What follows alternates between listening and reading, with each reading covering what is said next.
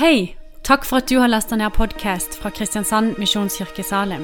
For å finne ut mer om oss, besøk vår hjemmeside på kmsalim.no. Hallo. Der var det lyd, ja. God formiddag. Var det veldig mye klang, eller var det bare her oppe? Fint å se dere. Eh, jeg kjenner jeg er litt sånn eh, trøtt i dag. Og eh, litt kaotisk eh, morgen. Eh, så jeg tenker eh, Hvis det er flere av dere, så eh, kan vi stå sammen i det. Men jeg tenker vi bare skal begynne med en bønn. Kjære Gud, takk for denne formiddagen i Salem hvor vi kan komme sammen og hovedsakelig for å tilbe deg, Jesus. Være sammen med deg, høre fra deg og være sammen i fellesskapet, Jesus. Nå ber jeg Jesus om at du bare skal lede denne stunden vi skal ha nå. Jeg ber om at du skal virkelig tale til oss og gjøre oss åpne for det du vil si, Jesus. Ja. Bare kom og fyll oss opp og eh, Ja, pek på det du vil peke på i livene våre. Amen. Nå har det jo vært veldig fin julestemning her. Og Sondre har drevet og pynta scenen til jul i går. Og går skikkelig inn i julestemninga. Eh, det kom litt brått på meg òg, så jeg har ikke noe lilla lys eller noe som helst hjemme. Så det må jo jeg rekke før neste søndag. i hvert fall. Men eh, veldig fint med julestemning. Vi er ikke kommet helt til julestemninga eh, i taleserien ennå. Vi skal avslutte den taleserien vi har holdt på med hele høsten, som handler om et annerledes folk og de ti bud. Eh, så i dag så skal jeg avslutte med det niende og tiende budet eh, i én tale. Eh, før vi skal gå inn i jula for fullt fra neste søndag. Eh, så jeg syns det har vært eh, spennende å eh, være i denne taleserien. jeg har i hvert fall lært masse nytt om hva som ligger i budene, hva de kan bety for oss i dag. Jeg har fått reflektert masse over det. Det håper jeg dere òg har. At ikke det har føltes bare veldig sånn lovisk om alt vi skal gjøre. Men, eh, men heller at man kan få lov til å dykke ned i eh, tekster som egentlig er viktige. Eh, og få lov til å se hva det betyr. Så i dag skal jeg snakke om det niende og tiende budet. Og i andre Mosebok så står det du skal ikke begjære din nestes hus. Du skal ikke begjære din nestes kone, slaven eller slavekvinnen hans, oksen eller eselet hans eller noe annet som hører din neste til. Så disse to budene de handler om begjær, og at vi ikke skal begjære noe som hører vår neste til. Og ordet 'begjær' det er kanskje ganske fremmed for mange i dag. Det er ikke det ordet vi bruker mest i dagligtalen vår. Eh, men jeg tror det å ønske seg noe som noen andre har, og som ikke vi har, det er noe som de fleste kan kjenne seg igjen i. Det kan jo være alt mulig. Det kan være materielle ting. Det kan være den og den maten, de og de klærne, det og det huset, eller bilen eller hytte den og den jobben, lønn. Eh, det kan òg være at vi ønsker oss noen andres eh, talenter eller suksess eller status. Eh, eller eh, ja, livsstil. Eh, det kan òg være at vi ønsker oss noen andres livssituasjon. At vi gjerne skulle vært der eller der. Eh, jeg tror på en eller annen måte de fleste av oss kan kjenne oss igjen i den følelsen av å ønske oss noe som noen andre har, og som ikke vi har. Så er det jo egentlig ikke utgangspunktet noe galt i å ha lengsler og ønske seg ting. Eh, for Gud har skapt oss med lengsler. Eh, vi lengter jo også etter glede, etter fred, etter eh, og føle oss elska, føle oss respektert. Vi, å, nei, vi, lengter etter å kunne bety noe, ha en mening med livet. Etter trygghet og komfort. Og det tror jeg er viktige ting som vi trenger hele livet. Og jeg tror Gud har skapt oss med disse sunne og gode lengslene. Men så er vi en del av det samfunnet vi er i. Eh, og vi er midt i verdens tankegang, som handler veldig mye om materialisme og veldig mye om individualisme. At alt handler om meg eh, og mitt, eh, og hvordan jeg kan bli lykkeligst mulig. Eh, og så og så får vi jo tonnevis av reklame for det. Eh, den tankegangen prakka på oss hele tida. Og så eh, påvirker det oss. Så istedenfor å søke Gud eh, etter å, at han skal fylle de lengslene som han har lagt ned i oss, som, det, som var det som opprinnelig var tenkt, så søker vi verdslige ting, materielle ting, for å dekke behovene våre og lengslene våre. Eh, vi tenker at eneste måten å få dekka dette behovet eller den lengselen, er noe vi allerede ikke har. Og så begynner vi å ønske oss det, så begynner vi kanskje å liksom ønske oss det veldig. Og så blir det til et begjær etter noe vi ikke har. Og Dermed så gjør vi en lengsel som i utgangspunktet var god, eh, om til et begjær etter noe vi ikke har. For å ta bare noen helt sånn banale eksempler på det, så kan jo eh, lengselen etter trygghet gjør at man skal ha den nyeste og beste alarmen til huset. Eh, lengselen etter å bety noe eller høre tek kan gjøre at man skal liksom ha de kuleste klærne eller de kuleste utstyr, det kuleste utstyret av et eller annet slag. Eh, for å liksom få litt status og eh, bli med i gjengen. Eh, lengselen å bli, etter å bli respektert kan gjøre at man hele tida søker ny forfremmelse eller et eller annet. Eh, vil komme seg høyere og høyere opp i systemet. Eh, og lengselen etter trygghet og komfort kan gjøre at man setter sin lit til penger og tenker at man hele tida må ha mer av det og hele tida frykter eh, og ikke ha nok av det. Eh, skjønner dere hvor jeg vil? Jeg er ganske sikker på at de fleste av oss eh, kan komme på mange ting vi har gjort for å dekke en lengsel etter noe. Eh, og så lar vi veldig fort lengslene våre bli om til begjær etter noe vi ikke har. Vi søker verdslige ting og verdens ting eh, framfor Gud for å få dekka våre behov og lengsler. Men er det så farlig, da? Disse budene som handler om begjær, de kan jo på en måte anses som de minst alvorlige budene. Og de som ikke gjør så mye å bryte. Er det så farlig om jeg ønsker meg noe som jeg ikke allerede har? Eh, hvis vi sammenligner det med du skal ikke drepe, og du skal ikke stjele, du skal ikke bryte ekteskap altså liksom, Du skal ikke ønske deg noe du ikke har. Det, kan det være så alvorlig, det, da? Eh, men disse budene de er viktige fordi de beveger seg fra handling og over til holdning. Fra gjerning til på en måte sinnelag og motiv. Eh, så det beveger seg på en måte til roten av handlingene våre, til det som gjør at vi handler sånn som vi gjør. For handling det kommer veldig ofte eh, fra lengsler eh, fra et eller annet motiv. Eh, handling det springer ut fra holdninger. Derfor kan man si at begjær egentlig er rota til veldig mange andre synder. Eh, eksempel, vi kan se på historien om David og Batseba i andre Samuels bok. Og David han hadde egentlig alt han trengte, og mer til. Eh, så fikk han et begjær etter Batseba, som var en annen manns kone. Eh, det at David da handla på det begjæret, gjorde at han tok Batseba fra Uria, som var mannen sin, og brøyt av det syvende budet eh, om at du ikke skal stjele. Så gjorde han henne gravid, så han brøyt det sjette budet om at ikke du skal bryte ekteskapet.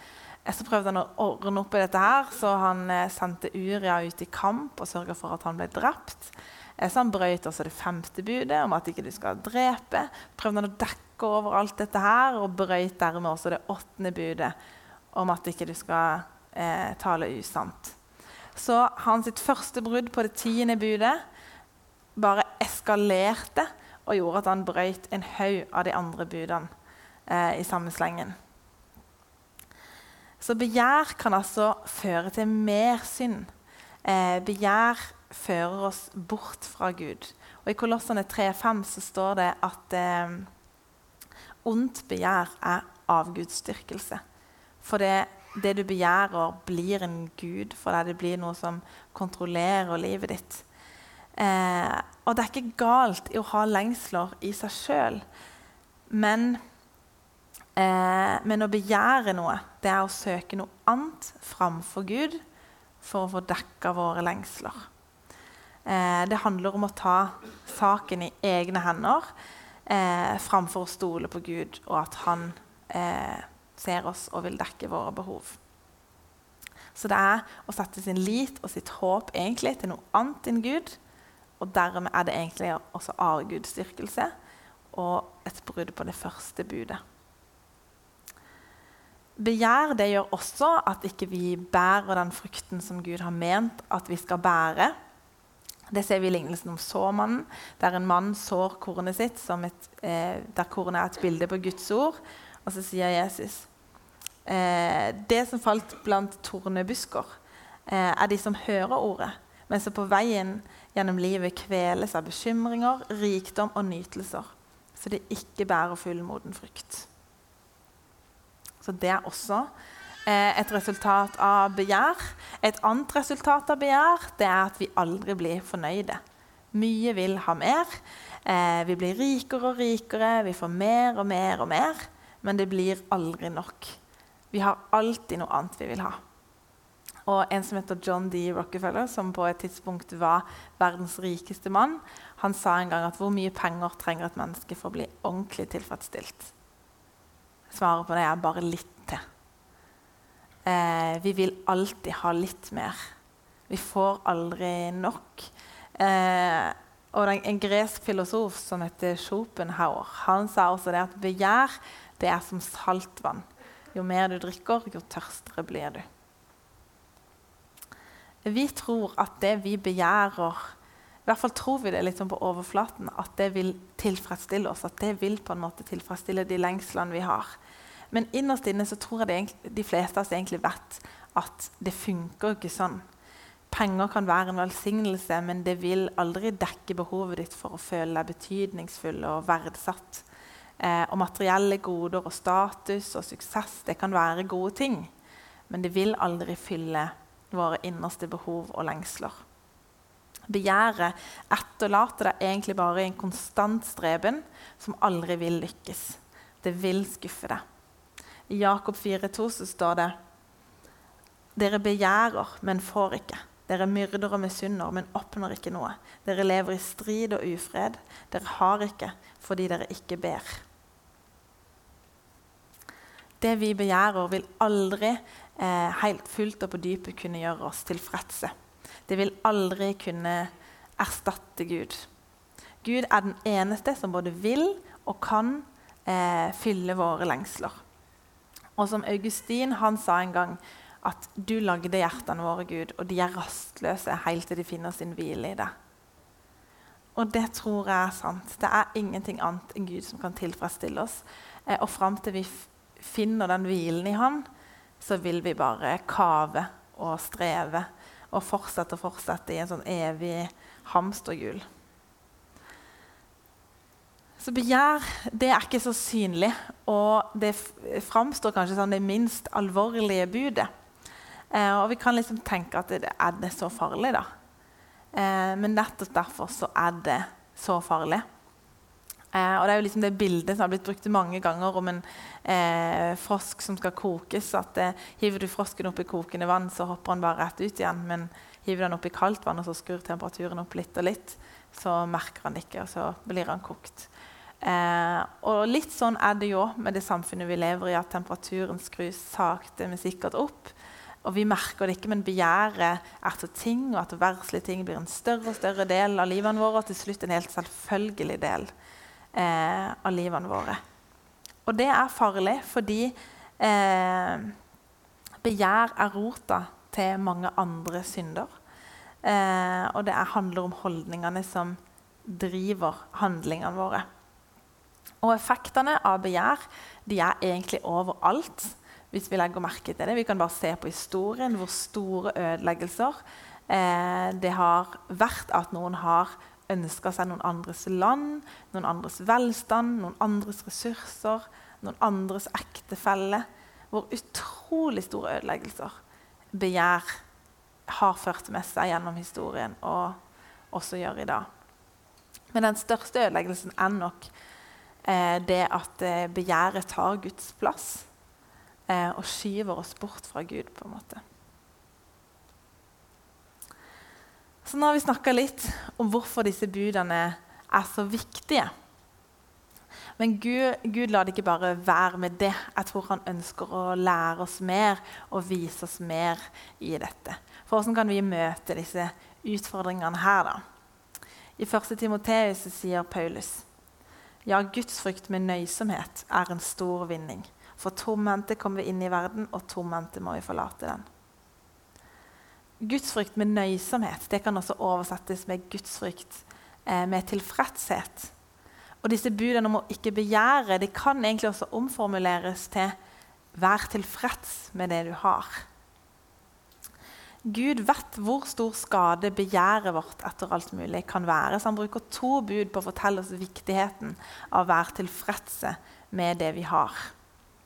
Eh, men denne tilfredsheten det er ikke noe som bare vi skal plukke ned fra loftet eller prestere på en måte, finne fram i oss sjøl. Jeg tror det er noe som Gud ønsker å gi oss. For når du søker Gud eh, og kobler deg på Han, så tror jeg Han vil forandre deg.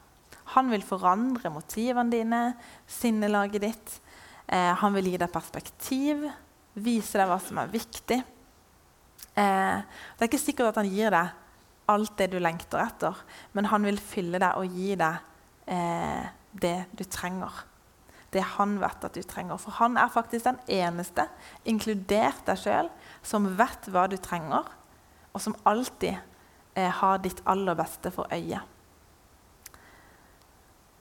Som foreldre så har vi jo et ansvar eh, overfor barna våre. Vi har et ansvar for at de skal være trygge, og for at de skal vokse opp eh, til å bli sunne og gode mennesker som kan ta gode valg og klare seg i livet.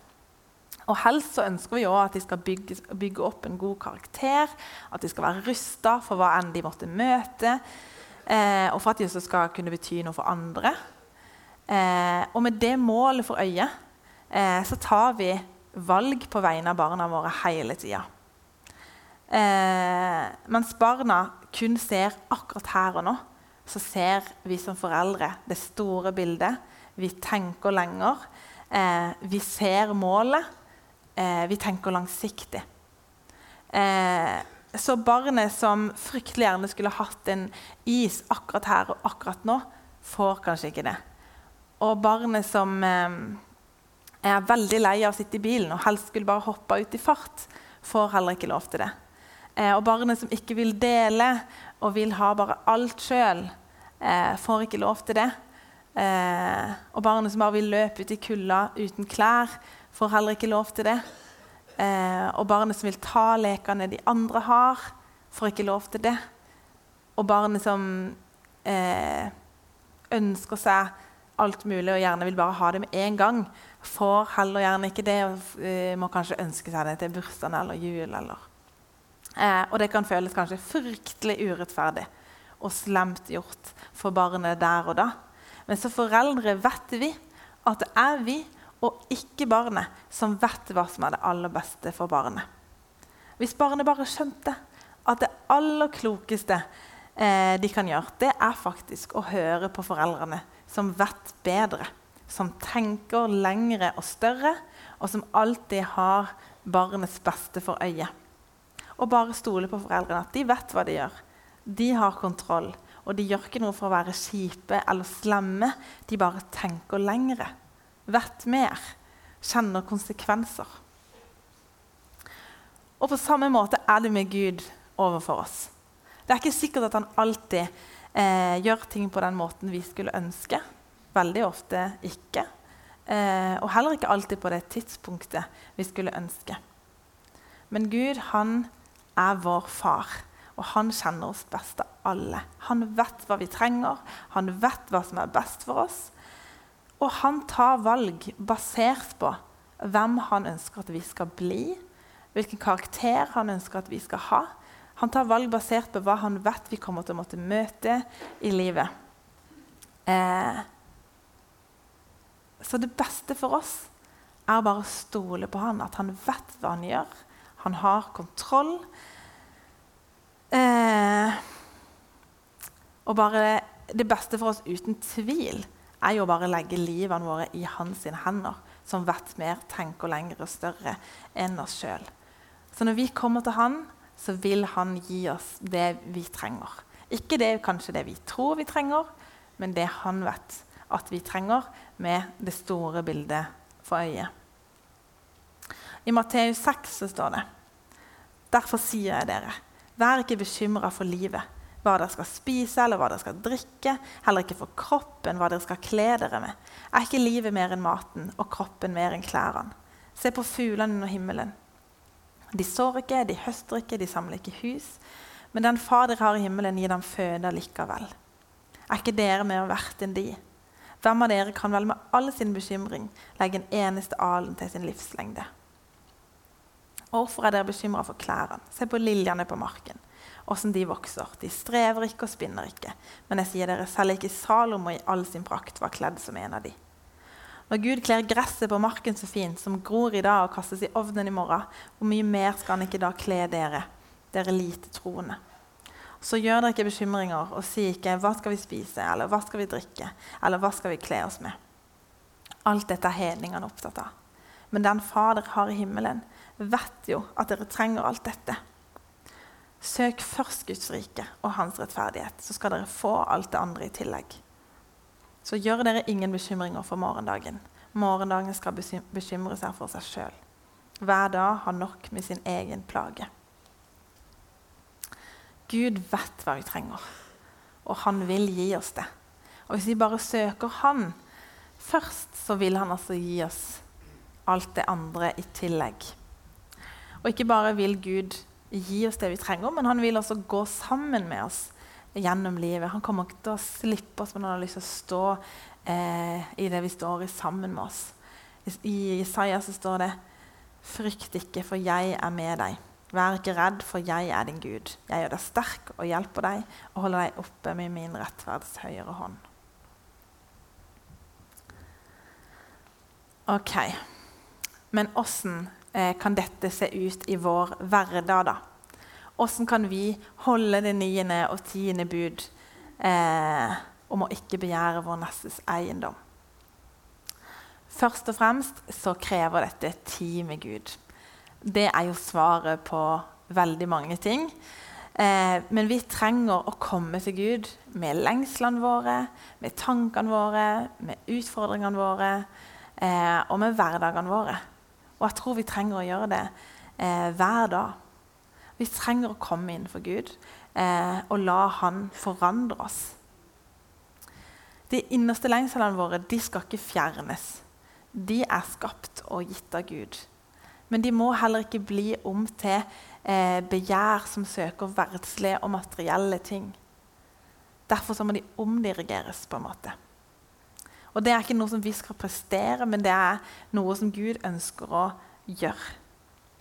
Det er noe som skjer i møte med Gud. For møtet med Gud forandrer oss, det forandrer motivene våre, det forandrer oss når vi tenker rundt ting. Det gir deg perspektiv, perspektiv og viser oss hva som er viktig. Gud vil gjøre det begjæret om til tilfredshet. Istedenfor å ville ha andres goder, så eh, vil vi i møte med Gud heller ønske andres beste. Jeg har erfart det mange ganger, åssen eh, Gud eh, endrer tankebana mine. Når jeg kommer til Han med min, eh, mine lengsler og min smerte, så opplever jeg veldig ofte å bli liksom forandra innvendig. Eh, jeg opplever å få se et større bilde. Jeg opplever å få se liksom, hva som egentlig er viktig. Bli minnet om åssen jeg bør tenke rundt det og det. Og så ender jeg veldig ofte opp i takknemlighet.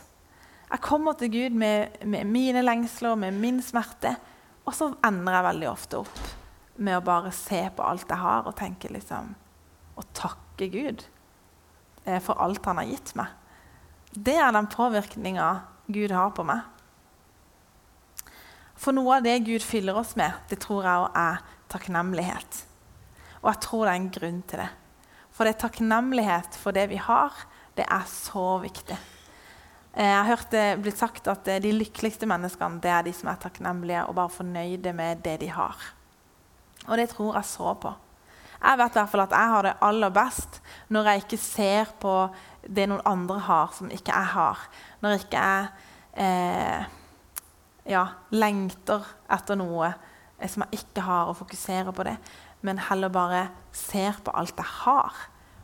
Og så bare tenker jeg sånn Wow, så heldig jeg. Det er jo da eh, jeg har det aller best, helt uavhengig av eh, hva jeg står i, eller hva verden kan tenke at jeg mangler. Så jeg tror eh, takknemlighet er en gave som Gud vil gi oss, og som han gir oss eh, i møte med Han. Og så tror jeg òg det er noe som vi kan øve oss på og bli mer bevisste på. Eh, en tankegang om å ikke se så mye på alt det du ikke har, men prøve å legge merke til det du har, eh, og takke for det. Og ha en holdning av takknemlighet. I Filippene 4,4 så står det 'Gled dere alltid i Herren'. Igjen vil jeg si 'gled dere'. Det kan jo virke litt sånn pompøst. Åssen skal vi klare å alltid glede oss i Gud? liksom? Eh, men grunnen til at det er mulig, er fordi at alt vi er, og alt vi har, det er gaver fra Gud. Og hvis vi ser det, og begynner å legge merke til det, så ser vi jo at vi alltid har mye vi kan glede oss over. Vi kan glede oss over hvem Gud er. Vi kan glede oss over eh, det han har gjort for oss. Og vi kan glede oss over alt det gode han har gitt oss, og alle velsignelser eh, som han velsigner oss med. Eh, I Vesten så tenker vi veldig fort at vi fortjener alt mulig. Eh, alt vi har, det har vi fortjent. Det er vårt, og vi har rett på det. Men vi fortjener ingenting. Vi er syndige mennesker. Vi gjør feil hele tida. Eh, vi tenker stygt om hverandre, vi snakker stygt til hverandre, vi behandler hverandre urettferdig. Eh, lista er lang på, på, ting jeg kunne nevnt, men en ting som er helt sikkert, er at vi eh, feiler. Eh, og vi fortjener egentlig ingenting. Men fordi Gud elsker oss så høyt, så eh, har han allikevel bare gode gaver og velsignelser å gi oss. Eh, så vi har alltid mye å glede oss over og alltid mye å være takknemlige for. Og takknemlighet og takksigelse det tror jeg er en av liksom grunnholdningene som Gud ønsker at vi skal ha. Eh, for det begjæret det tar fokuset bort fra det vi har, og til det vi ikke har. Og etterlater oss egentlig en konstant tilstand av misnøye. Eh, men takknemlighet tar fokuset bort fra det vi ikke har, og til det vi har. Eh, og istedenfor å tenke å, jeg må ha det, jeg må ha det, så tenker, tenker vi i stedet se på alt det jeg har. Og Gud vet at det er det beste for oss. Det er en nøkkel. Eh. Så Derfor så ønsker Gud å gjøre begjæret vårt om til takknemlighet. Når vi ber, så har mange av oss i hvert fall meg, en tendens til å bruke veldig mye tid på det jeg gjerne vil at Gud skal gjøre noe med. Eh, der jeg ønsker at han skal gripe inn i det jeg veldig gjerne skulle hatt bedre.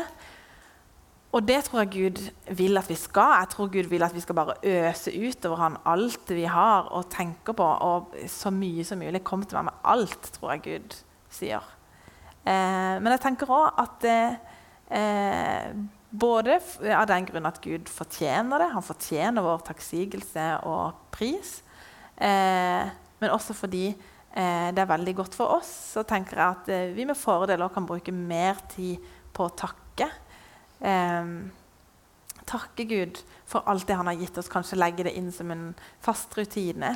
Eh, for det tror jeg vil gjøre noe med oss, det vil gjøre noe med bevisstheten vår. Og jeg tror også det vil gjøre at vi får en større følelse av takknemlighet og være tilfredse med det vi har.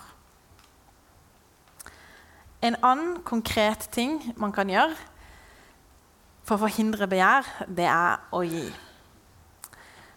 Det er ingen tvil om at det å gi, det gjør noe med oss.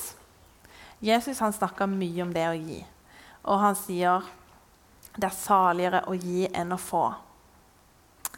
Hvorfor det?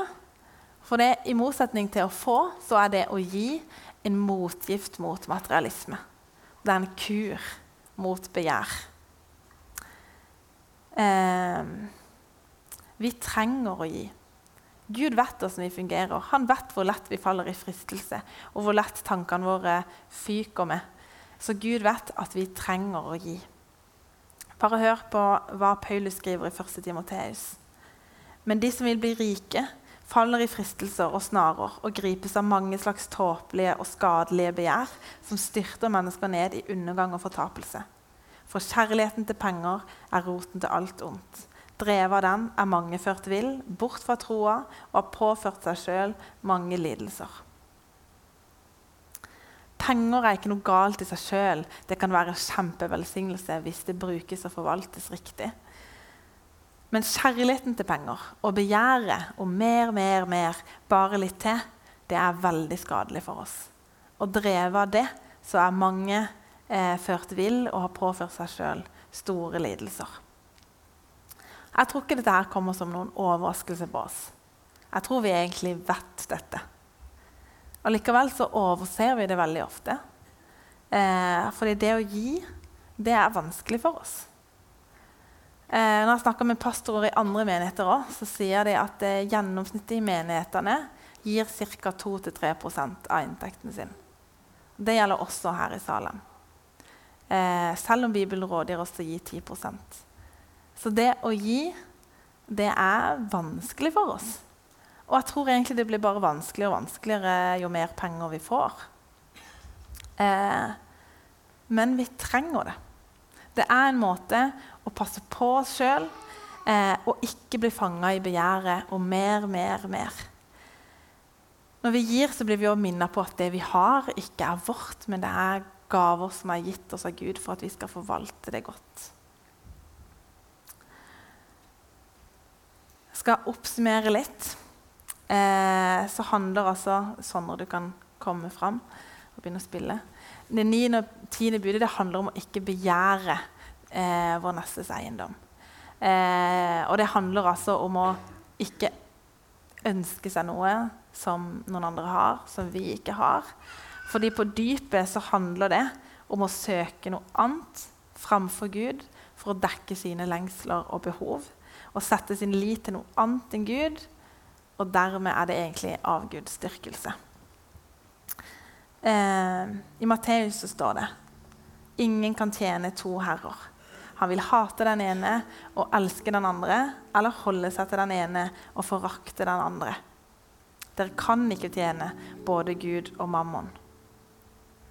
Vi kan ikke tjene to herrer. Så hvis vi ønsker å tjene Gud, så må vi la Gud være den vi setter vår lit til. Vi må la Gud være den eh, som vi kommer til med våre lengsler, og stole på at han er den som vet hva som er best for oss, som vet hva som er godt for oss. Ikke ta saken i egne hender og søke alt mulig annet. Ikke leve som om alt er opp til oss, som om alt er avhengig av vår innsats.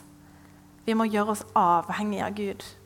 Og så må vi la Gud få være den som faktisk er herre i livene våre. I Salme 37, 37,4 så står det Ha din lyst og glede i Herren, så gir han deg alt det ditt hjerte ber om. For når vi kommer til Gud og har vår glede i Han, når vi søker Han først, så vil Han gi oss alt det vårt hjerte trenger. Men da trenger vi å bruke tid med Gud. Vi trenger å bruke tid med Han hver dag. Jeg vet hvor lett mine tanker sklir ut på det med en gang. Eh, så jeg trenger å søke Gud og hans påvirkning på meg hver dag. Og i det så tror jeg Gud vil forandre oss. Jeg tror han vil fylle oss med eh, takknemlighet og hjelpe oss å være tilfredse med det vi har. Så jeg har lyst til at du skal tenke litt på Du har sikkert tenkt litt eh, mens jeg snakker nå. Vi skal bruke litt tid nå på å tenke på hva det er i ditt liv som du søker, som du ikke har. Hva i ditt liv akkurat nå er det du streber etter, som du tenker kan dekke dine lengsler og behov? Hva søker du for å føle deg betydningsfull og viktig? Hva er det du føler at du mangler eh, før du kan være tilfreds? Jeg tror vi alle sammen har noe. Om det er suksess, den, den, den eller denne jobben, mer penger, eh, finere klær, det nyeste utstyret, nytt hus, ny bil, mer respekt, helse, eh, flere venner, kjæreste eller familie. Mye av dette kan være veldig gode ting i seg sjøl. Men det kan ikke dekke våre lengsler. Det kan ikke ta Guds plass. Det er kun Gud som vet hva vi trenger, og det er kun Gud som kan gi oss det. Dere har fått utdelt noen lapper når dere kom inn i dag. Og det jeg ønsker at vi skal gjøre nå, er at vi skal ta den lappen så skal vi skrive på den eh, det du har i ditt liv som har blitt om til et begjær. Som du tror du trenger for å være tilfreds. Som du har satt din lit til eh, at skal fylle dine lengsler. Så kan du skrive én ting på lappen, eller du kan skrive så mange ting du vil. Eh, det viktigste er kanskje det som er høyest oppe i livet ditt akkurat nå. Så tenker jeg, Skriv det på lappen, så kan du krølle sammen lappen eller brette den sammen. Og så kan du gå fram og så kan du legge den der, en kurv foran korset her framme.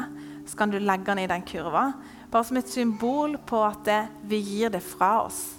Nå gir vi det til Gud. Og så ber vi om tilgivelse for at vi har latt det få ha eh, Guds plass. Eh, for vi vet at det kun er Gud som kan ha den plassen.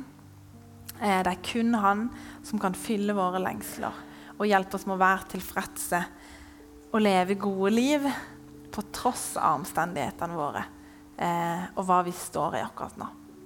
Så hva enn som har tatt den plassen som du søker og setter din lit til, skriv det på lappen, og så legg det i kurva foran korset. Så skal vi bare være litt i det, og Sondre spiller litt instrumentalt eh, før vi går over i lovsang etter hvert. Eh, og så er det også åpent for forbønn bak i bønnerommet, så gjerne benytt dere av det òg. Da er det bare å gå inn og sette dere på en stol, og så kommer det noen og ber for dere etter hvert. Skal vi bare be her sammen, og så kan vi gå inn i respons etter det.